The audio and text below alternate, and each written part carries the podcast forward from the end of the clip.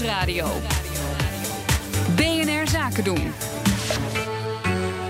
Ondernemersdesk. Kansen zien en risico's aandurven gaan, dat hoort bij ondernemerschap. En daarom elke donderdag de Ondernemersdesk kansen en risico's... met tips en advies over het herkennen van gouden kansen. Maar ook wanneer is een kans te mooi om waar te zijn. Vandaag gaat Conor Klerks in gesprek met serieondernemer Michiel Muller... over een gedurfde beslissing die doorslaggevend was... voor het succes van Picnic.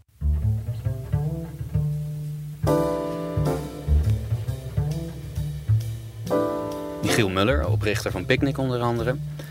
Ik vroeg u naar een beslissend moment en u kwam met iets wat ik niet verwachtte. De Picnic autootjes. Ja, zeker. We hebben uiteindelijk, uh, toen we begonnen met het idee voor Picnic, ook bedacht... Ja, hoe moet je dat nou op een hele efficiënte manier doen? Hè? Wij brengen natuurlijk gratis aan huis. En toen hebben we eigenlijk de beslissing genomen om zelf een autootje te maken. Omdat we eigenlijk alle bezorgauto's die we op de markt vonden... vonden we of te groot, of het waren diesels en we waren natuurlijk elektrisch...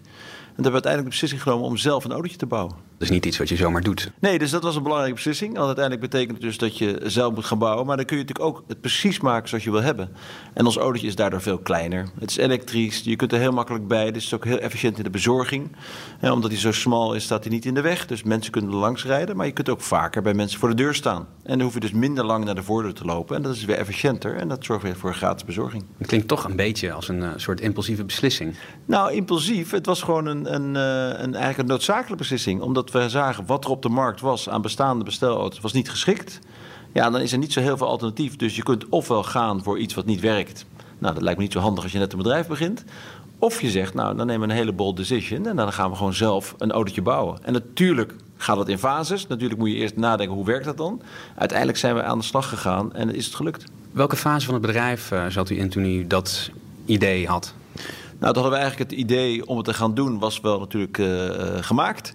Tegelijkertijd moesten we natuurlijk ontzettend veel nog maken in de zin van software. We moesten natuurlijk nog een app bouwen. We moesten natuurlijk nog ongelooflijk veel andere dingen doen. En daar kwam opeens dat idee van het autootje bij. En toen hebben we dus eigenlijk met onze eigen mensen het autootje ontworpen. Maar uiteindelijk wat je ziet is denk ik op het moment dat wij toen dat autootje maakten... het stond er, het deed het, we gingen ermee rijden...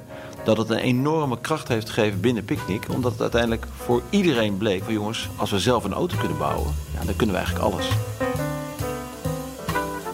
Er waren er tegenstanders binnen het bedrijf om dat helemaal zelf te gaan doen? Want de stap van uh, bezorgservice naar autobouwer vind ik eigenlijk best wel een grote.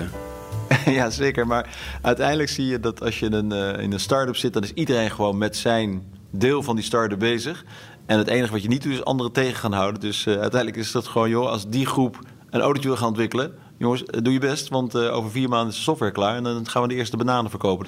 Wat we wel hebben gezien natuurlijk, toen wij natuurlijk zelf dat autootje gingen bouwen en hadden het op een gegeven moment hadden we er vier staan.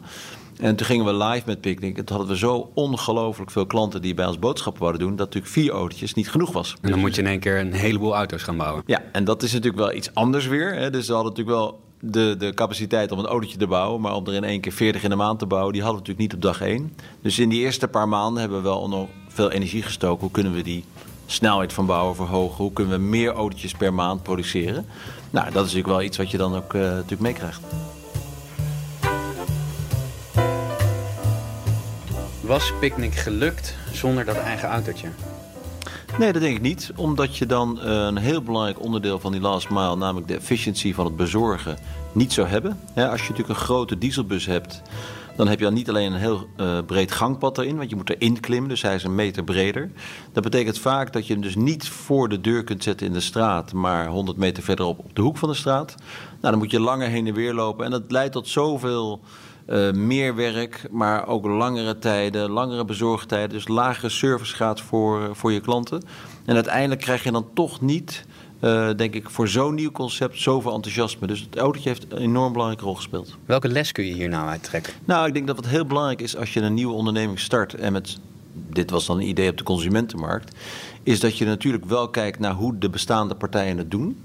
Maar probeer je wel los te maken van de conditionering die zij hebben. Zo hebben we het altijd gedaan, dus zo gaan we het in de toekomst ook doen. Je moet het eigenlijk omdraaien. Je moet zeggen, een consument die zou heel graag dit willen hebben. Dat kun je natuurlijk voor die consument proberen uit te denken. Het is er vandaag nog niet. Wat moet ik vandaag gaan doen om dat werkelijkheid te maken over uh, uh, wanneer ik ga starten met mijn bedrijf. Dus je moet eigenlijk starten met wat die consument wil en dan terugrekenen wat ik moet ik gaan doen. Nou, hou gewoon die consument of dat bedrijf waar je, waar je wil aan gaan leveren voor ogen. Wat zou die het aller, allerliefste willen? Pak dat witte vel papier en ga dat maken. En als je dat lukt, dan heb je goede kansen.